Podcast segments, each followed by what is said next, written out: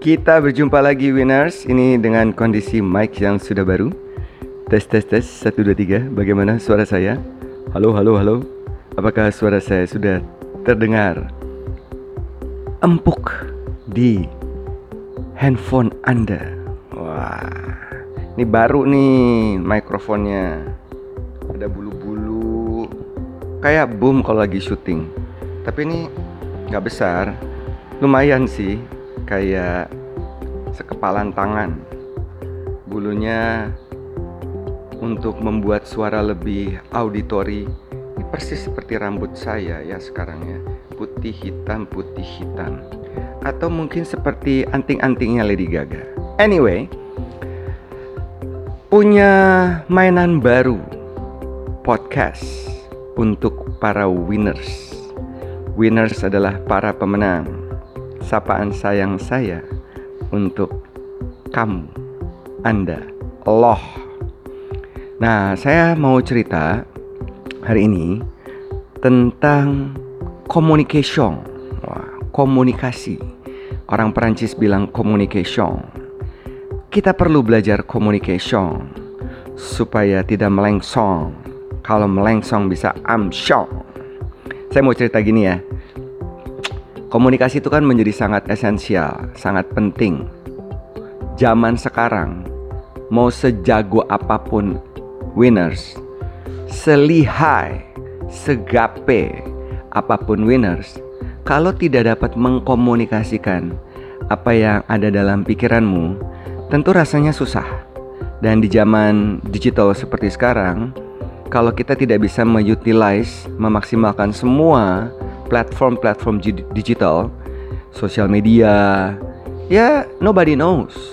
Jadi nggak cuma generasi X generation seperti saya yang harus juga keep up dengan teknologi di sosial media. Kalau Y generation atau millennials nggak usah dibahas, Z juga nggak usah dibahas. Tapi the baby boomers, mereka yang usianya di atas 55 tahun, juga harus punya digital platform untuk membantu communication supaya menjadi tidak amsyong. Nah, dari perjalanan karir yang akhirnya membawa saya sebagai seorang fasilitator, facilitator atau tepatnya membantu para peserta-peserta di dalam kelas termasuk coaching para leader-leader hebat di negeri ini. Nah, saya punya cerita menarik nih tentang communication. Jadi waktu itu kayaknya 4 4 tahun yang lalu saya berkesempatan mengcoaching ada banyak leaders C level. C level tuh ya director level ya. Satu-satu di coaching, satu kali pertemuan dua jam, terus berkali-kali. Nah ini ada satu ibu nih yang saya coaching di industri eh, oh, eh, oh. ya industrinya keren banget. Sesi pertama kita mapping, saya tanya kebutuhannya apa, terus kami desain programnya, baru masuklah materi demi materi. Materi kedua adalah tentang mengenal diri dengan lebih baik.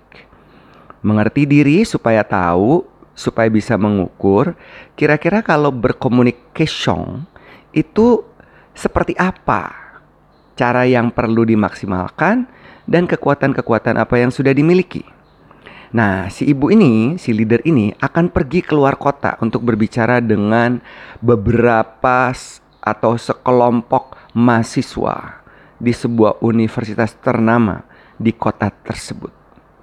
Saya udah bilangin tuh jurus-jurus jitu supaya bisa engaging, bisa memberikan best practices kepada para mahasiswa.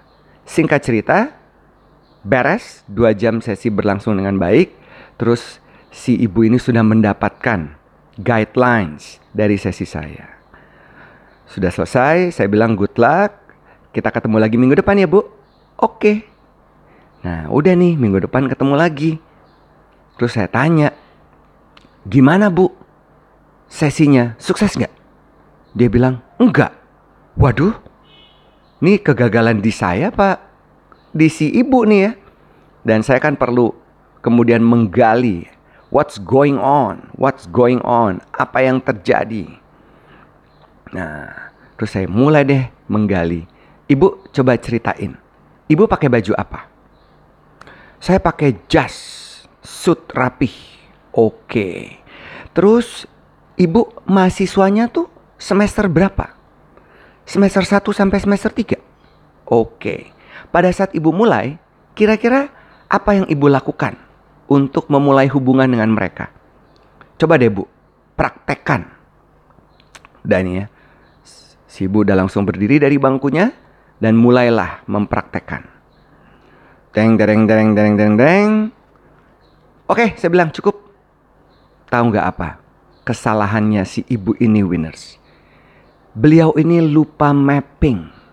Lupa mapping bahwa mahasiswa itu semester 1 sampai semester 3 kalau bertemu dengan pemimpin dari Jakarta pakai baju yang sangat eksekutif, tentu mahasiswa ini akan menganggap si orang yang mereka jumpai ini terlalu berjarak. Yang pertama ya, karena kurang blended. Yang kedua, si ibu ini ternyata mengambil sapaan Anda untuk me menyampaikan semua pesan-pesannya kepada para mahasiswa. Jadi si ibu ini bilang gini, Selamat pagi, apa kabar? Bagaimana kabar Anda pagi hari ini? Nah, saya datang dari perusahaan ngek-ngok, ngek-ngok, ngek-ngok. Saya ingin sekali, la la la la la la. Anda jadi, terus saya bilang, ya dalam hati, ya terang aja, mahasiswa semester 1, 2, dan 3, kalau udah melihat penampilan seseorang yang terlalu berjarak, jadi susah ya bisa nyambung. Yang kedua, sapaan itu adalah Anda. Jadi kesalahan terbesar dari kebanyakan orang itu mereka tidak profile mapping. Siapa audiens yang harus kita jumpai? Kan sama aja sebenarnya ya winners. Kalau kita ngomong sama anak kecil, kita nggak bisa menggunakan bahasa-bahasa yang terlalu keriting, yang terlalu teknis. Karena nggak akan nyambung. Coba bayangkan, anak kecil, postur mereka lebih rendah, lebih kecil dibanding kita. Terus kita postur tubuh kita lebih tinggi kita ngomong ke mereka, kita ngomong ke mereka, kita ngomong ke mereka dalam posisi kita berdiri, terus mereka ada di bawah kita. Terus tentu ya, anak yang ada di bawah itu, anak kecil itu melihat orang yang lebih tinggi, kan jadi kayak raksasa gitu. Terus mungkin dengan intonasi yang berbeda dan lain-lain. Ya tentu tidak akan nyambung. Kan kita perlu profile mapping. Yang paling tepat, Anda harus berdiri sejajar dengan anak tersebut untuk bisa membangun hubungan. Ini kan sebenarnya sangat logik, sangat masuk akal. Bagaimana kita bisa nyambung, connected, seperti kata Steve Jobs, dalam menyampaikan atau membangun hubungan dengan orang. Nah ini yang kalau saya lihat di dalam kelas atau training-training atau coaching saya, ini banyak sekali orang yang mengignore atau me, tidak menghiraukan profile mapping. Padahal ini dewa yang paling penting ini the golden rules tentang mapping yang harus kita kuasai. Ini baru nomor satu nih ya soal mapping dalam berkomunikasi. Yang berikut adalah berhubungan dengan buku yang saya tulis. Saya menulis buku yang ketujuh saya berjudul How Not to Give a Boring Speech. Buku ini membongkar secara lugas dan padat seperti arem-arem tentang struktur-struktur di dalam komunikasi apa saja. Dari pengalaman yang sekian banyak saya miliki lebih dari 30 tahun di industri entertainment dan juga 15 tahun ke belakang berada di dalam kelas, membangun mod, membuat modul, lalala lalala gitu ya, memperhatikan, menganalisa, kemudian muncullah berbagai macam kata kunci kata kunci atau poin-poin penting yang harus dimiliki oleh seseorang agar mereka dapat efektif dalam berkomunikasi Nah, jadi saya lihat ya banyak sekali, ini salah satu gagasan kenapa buku ini saya lahirkan. Saya melihat banyak sekali leader-leader atau nggak usah leader deh, orang-orang kalau berbicara. Misalnya mereka berbicara di sosial media atau di TV. Banyak sekali para praktisi atau orang-orang hebat yang pinter-pinter itu menggunakan banyak terminologi-terminologi atau istilah dalam bahasa asing. Ya tentu dong kalau kita lihat yang nonton TV itu siapa? Yang nonton TV itu kan masyarakat luas se-Indonesia. Jangkauan TV itu sampai ke pelosok-pelosok negeri ini. Apakah terminologi atau istilah dalam bahasa asing itu dipahami oleh mereka? Atau nggak usah deh kita menyebutkan nama seseorang yang tidak dikenal oleh publik. Kan kita perlu menjelaskan kredensial atau profil orang tersebut supaya bisa connected. Nah inilah banyak sekali yang mem membuat saya akhirnya melahirkan buku ini. Nah buku ini baru saya terbitkan akhir tahun lalu dan sekarang akan cetak ulang. Yeay. Tapi karena judulnya terlalu keriting, How Not to Give a Boring Speech, cetakan yang berikut ini akan saya ganti judulnya dan warna yang lebih nampol. Kalau yang sekarang berwarna biru, biru muda. Nanti saya mau ganti lebih striking colors. Anyway, di dalam buku ini saya kemudian mencurahkan semua analisa saya di dalam lapangan dan membuat menjadi sebuah urutan-urutan yang sangat mudah dikuasai oleh seseorang dalam membangun hubungan. Mulai dari opening, konten, dan closing. Opening, konten, dan closing itu kan satu dunia ini udah tahu kalau komunikasi harus ada opening, ada konten, dan ada closing. Tapi nggak semua orang melakukan. Terkadang dengan suasana hati yang tidak baik pada saat itu, seorang bisa langsung masuk ke konten tanpa basa-basi. Jadi kita nggak bisa loh melupakan urutan-urutan yang sudah ada. Cuma yang saya amati, ternyata opening konten closing yang satu dunia ini udah tahu, itu juga dibagi berdasarkan prosentase-prosentase. Di opening, itu 10% aja, nggak boleh kelamaan. Kontennya 70%, closingnya 20%. So the secret recipe in delivering your structure, opening 10%, content 70%, and closing 20%. Ini adalah urutan-urutan yang harus kita pahami. Coba, sebelum berkomunikasi, communication, sebelum ngomong, harus ada profile mapping. Harus ingat ada opening, content, closing. Supaya apa? Supaya nyambung saya juga bingung ya. Ini kan pakem umum yang berlaku dan ini sangat make sense, sangat common ground. Kenapa ya orang-orang kadang-kadang tidak mengindahkan, mengabaikan? What's going on? What's going on? Marvin, please help me. Mother, mother, there's too many of you crying. brother, brother, brother. There's far too many of you dying.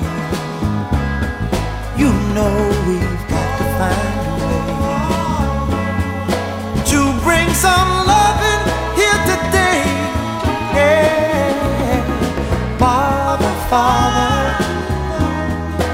don't need to escalate. You see, war is not the answer for only love can conquer hate. You know we've got to find a way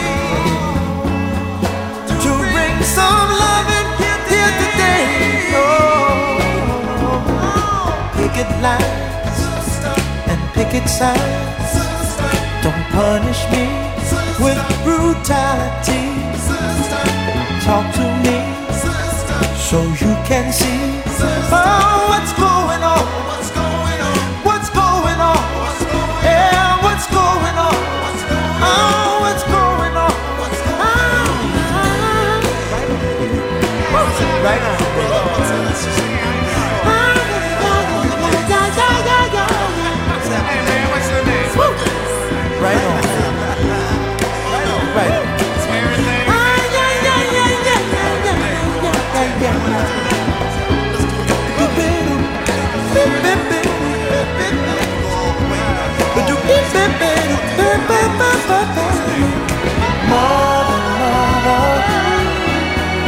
Everybody thinks we're at home.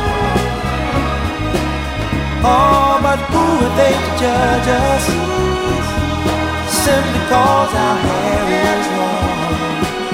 Oh, you know we've got to find. Bring some understanding here today. Oh, oh, oh. pick it loud and exact. Don't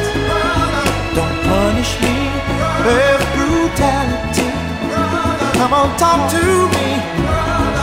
You can see what's going on. Yeah, what's going on? Tell me what's going on. I'll tell you what's going on. Ooh. Right on, right on.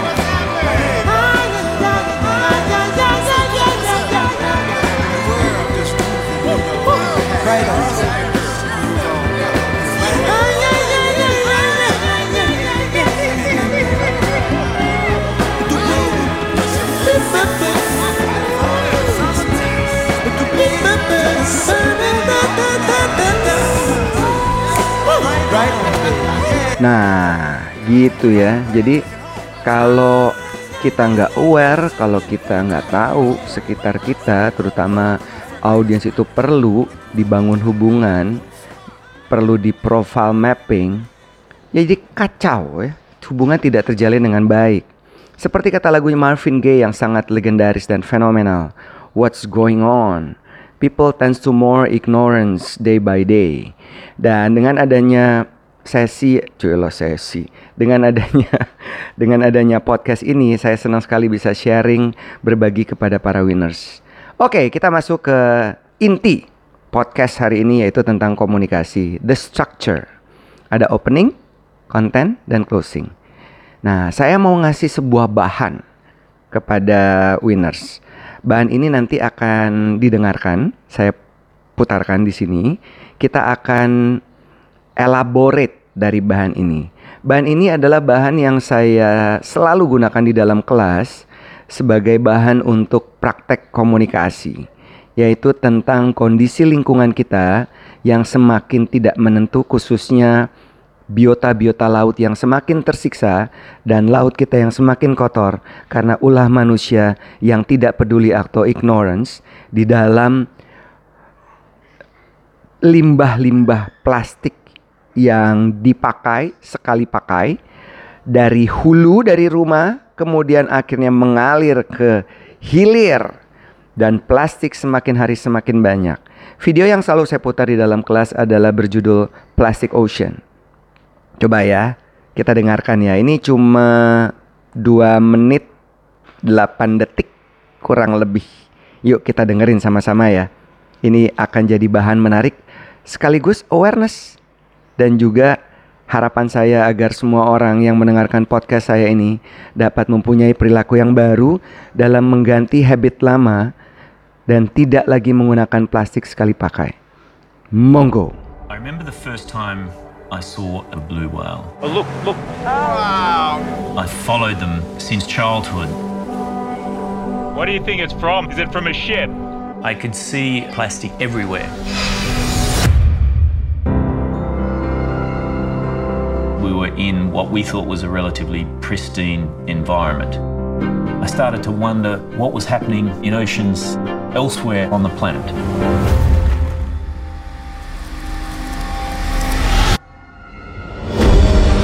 Growing up, my world was the ocean. It's where I feel the most spiritual. As a freediver, it was the place where I proved myself to myself. Finally, have the opportunity to pay the sea back. Only a fraction of the plastic that we produce is recycled. This is never going to degrade. It's got nowhere to go.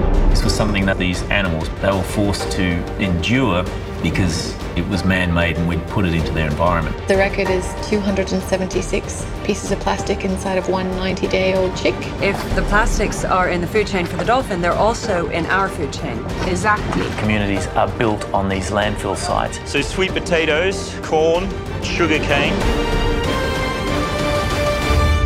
all growing on 40 years of garbage. Do you have anything not wrapped in plastic? No. No.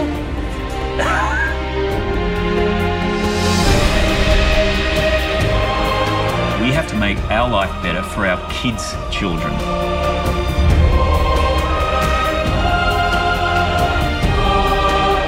Change is possible. It starts with us. Nah, Coba terbayang ya, berapa juta ton sampah plastik terurai ke lautan, kemudian banyak sekali orang-orang yang melakukan aksinya untuk sosialisasi ini. Jadi ada laut yang sudah tercemar karena limbah plastik, ada satwa-satwa di dalam laut yang kemudian juga mati karena plastik, karena ulah kita semua. Coba bahan ini kemudian nanti akan disampaikan dari opening, content, dan closing. Tentunya dalam setiap komunikasi pasti ada sebuah tujuan yang ingin kita capai. Tujuan itu adalah konteks. Nah, apa konteks yang ingin Anda sampaikan, winners, di dalam komunikasimu? Misalnya tujuannya ingin hanya menyampaikan sebuah info, menurut saya itu kurang engaging. Info itu harus diolah. Info harus diolah dengan pendekatan yang tepat. Dengan menyentuh rasa, menyentuh hati gitu ya. Karena hati itu adalah esensi yang paling penting untuk menggerakkan manusia. Jadi kita harus menyentuh feelingnya baru kita bisa menggunakan data thinking agar semuanya sesuai dengan konteks yang ingin dicapai. Jadi bisa juga sebuah tujuan komunikasi nggak hanya sekedar sebuah info, tapi juga kita ingin menginspirasi dan juga memotivasi. Tentunya ada trik-triknya, ada cara-caranya. Kita mulai dari opening. Opening saya membuat sebuah pendekatan akronim yang saya beri nama GISI. GC stands for greetings, introduction, storytelling, and interaction. I repeat again. GC stands for greetings, introduction, storytelling, and interaction. Jadi bisa saja misalnya, selamat pagi Bapak Ibu, teman-teman, rekan-rekan semuanya. Tentukan sapaan yang paling tepat untuk membangun hubungan Ingat cerita saya tentang si ibu yang saya coach belum uh, berapa tahun yang lalu gagal membangun hubungan dengan sapaan yang tidak tepat. Greetings adalah pintu utama. Nah di greetings bagaimana kehadiran kita ketika kita berbicara Apakah kita bahasa tubuhnya positif, terbuka Apakah ada senyuman di sana Apakah ada eye contact untuk orang bisa menilai kita apakah kita ini pribadi yang hangat. Itu greetings. Terus baru introduction kita sebutin. Saya datang dari la la la la la la la. Terus boleh deh masuk dengan storytelling. Nah seperti yang tadi kita lihat di video tuh tentang plastic ocean. Saya juga tiga hari yang lalu pergi ke sebuah pantai di pesisir Jawa Barat. Saya lihat dari bibir pantai ketika saya mau menyeberangi pantai tersebut menuju ke sebuah pulau. Saya lihat pulau itu indah dan bersih Wah, saya udah tidak sabar menantikan. Tapi begitu saya masuk ke dalam air, berenang, snorkeling, diving, saya lihat, oh my god, there are so many jellyfish. I thought it was jellyfish. The fact they all plastics. Coba kebayang, teman-teman, bapak ibu, kita sekarang berhadapan dengan bukan ubur-ubur lagi, tapi plastik yang men menyerupai ubur-ubur. Dan saya yakin cerita saya ini juga dimiliki atau dialami oleh Anda semuanya. Coba saya mau nanya, siapa di ruangan ini yang juga punya pengalaman yang sama dengan saya? Jadi setelah kita tell our story, kita akan lanjut ke interaction, bertanya kepada mereka. Jadi jangan lupa di opening ada greetings, introduction, storytelling, and interaction. Ini tidak alphabetical ya, tidak in order. It really depends on your audience. Jadi tergantung mana dulu yang bisa masuk. Kalau kita lihat di TEDx, www.tedx.com, itu semua pembicara hebat di panggung TEDx di seluruh dunia itu mereka tidak pakai introduction, tidak pakai greetings. Mereka they will start their speech or sharing with storytelling. Ini kan lebih engaging, lebih nampol gitu ya. Nah itu tadi ya di opening ada gizi. Kemudian di konten. Di konten tuh ada what, so, and now. What? You have to define the what. I'm talking about plastic ocean. Terus orang-orang akan bilang, so, kenapa? Kenapa mesti ngomongin plastic ocean? Baru so-nya kita explore, kita elaborate yang berhubungan dengan feeling dan juga data-data yang ada. Tapi pastikan semua ini nggak boleh kepanjangan, nggak boleh bertele-tele. Dia harus kontekstual sesuai dengan konteks yang ingin kita sampaikan. Jadi dia tidak melebar, concise, padat seperti arm-arm. Nah di sinilah di show kita bisa mempengaruhi orang dengan feeling melalui feeling mereka dan juga data yang kita paparkan. Misalnya terhadap video yang tadi atau audio audio yang tadi teman-teman sudah dengar yang saya putarkan tentang plastic ocean. Coba bayangkan misalnya 4 juta ton sampah plastik ke lautan. Itu kan thinking ya data. Bayangkan berapa banyak. Misalnya kalau kita analogikan 4 juta ton ini sama dengan uh, 10 kali Pulau Jawa. Kemudian orang bisa relate Terus kita paparkan bahwa botol plastik yang terurai dari hulu dari rumah seseorang sampai ke hilir, kemudian dia pecah menjadi mikroplastik. Mikroplastik kemudian pecah lagi menjadi nanoplastik. Nanoplastik dimakan oleh biota laut, dimakan oleh plankton. Plankton dimakan oleh ikan, ikan dimakan oleh manusia. Jadi ini adalah sekarang plastik sudah ada di dalam mata rantai makanan kita manusia. Dan bayangkan teman-teman, di banyak negara maju, Eropa, Amerika, dan negara-negara lainnya sudah melakukan penelitian terhadap festis manusia ternyata mengandung unsur mikroplastik. Nah kita jadi mengeksplor soulnya. Nah di sinilah orang kemudian akan tergugah, audiens akan tergugah untuk mendengarkan kembali apa harapan winners dalam menyampaikan sebuah communication. Baru deh kita masuk ke now. You have to be able to decide the now. Oke, mulai sekarang. Jangan gunakan plastik sekali pakai. Bawa tumbler sendiri dari rumah. Dan juga bawa eco bag, tas lipat yang bisa membantu winners untuk kalau belanja udah jangan pakai plastik sekali pakai lagi. Cuma dua kok yang kami minta kepada Anda. Gitu ya, jadi kita menyampaikan di konten ada what, define the what, ada so, explore the so, and ada now, decide the now. Setelah itu, baru kita tutup di closing. Di closing, ada istilah yang saya sebutkan di dalam buku saya yang kemudian saya retouch lagi istilah itu menjadi sure punch. Sure punch. SU adalah summary, RE adalah recap, punch adalah punchline. So you have to be able to summarize from the so and now. Misalnya contoh. Nah tadi tuh ya 4 juta ton plastik terurai ke lautan. Bayangkan biota laut tersiksa. Bayangkan dari botol plastik menjadi mikroplastik dan juga menjadi nanoplastik. Sudah ada dalam rantai makanan manusia. Dan tadi kami menghimbau Bapak Ibu mulai mempunyai habit yang baru dengan tidak menggunakan botol plastik sekali pakai dan membawa eco bag ke mana pun Anda pergi untuk grocery shopping Anda. Itu adalah summarizing apa yang ada di so dan di now. Kemudian R-nya, re, recap, kita simpulkan. Artinya apa? Ini adalah sebuah tindakan yang harus dilakukan oleh semua orang. Ini udah SOS, udah gawat, udah genting. Kita tidak bisa mengabaikan laut kita yang akan semakin tercemar itu kita recap untuk meningkatkan emosi mereka dan logika berpikir mereka. Baru kita tutup dengan punchline. Punchline, kalimat yang nampol misalnya. Jadi, Bapak Ibu sekalian, jangan lupa katakan tidak untuk plastik sekali pakai agar generasi selanjutnya dapat tetap menikmati indahnya laut. Gitu. Gampang kan? Jadi ada opening gizi, ada what so now di content, dan di closing ada sure punch. Ini penting banget. Dan jangan lupa komunikasi dengan struktur yang saya sampaikan akan membuat semua audiens itu akan nempel sama Anda. Akan mendengarkan semua yang Anda sampaikan. Seperti kata George Benson dalam lagunya yang saya suka banget. I just wanna hang around you.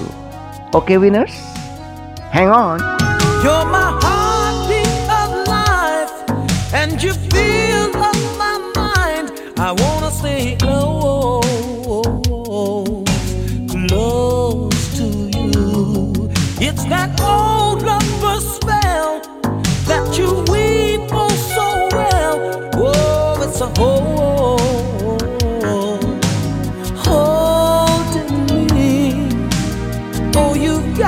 see.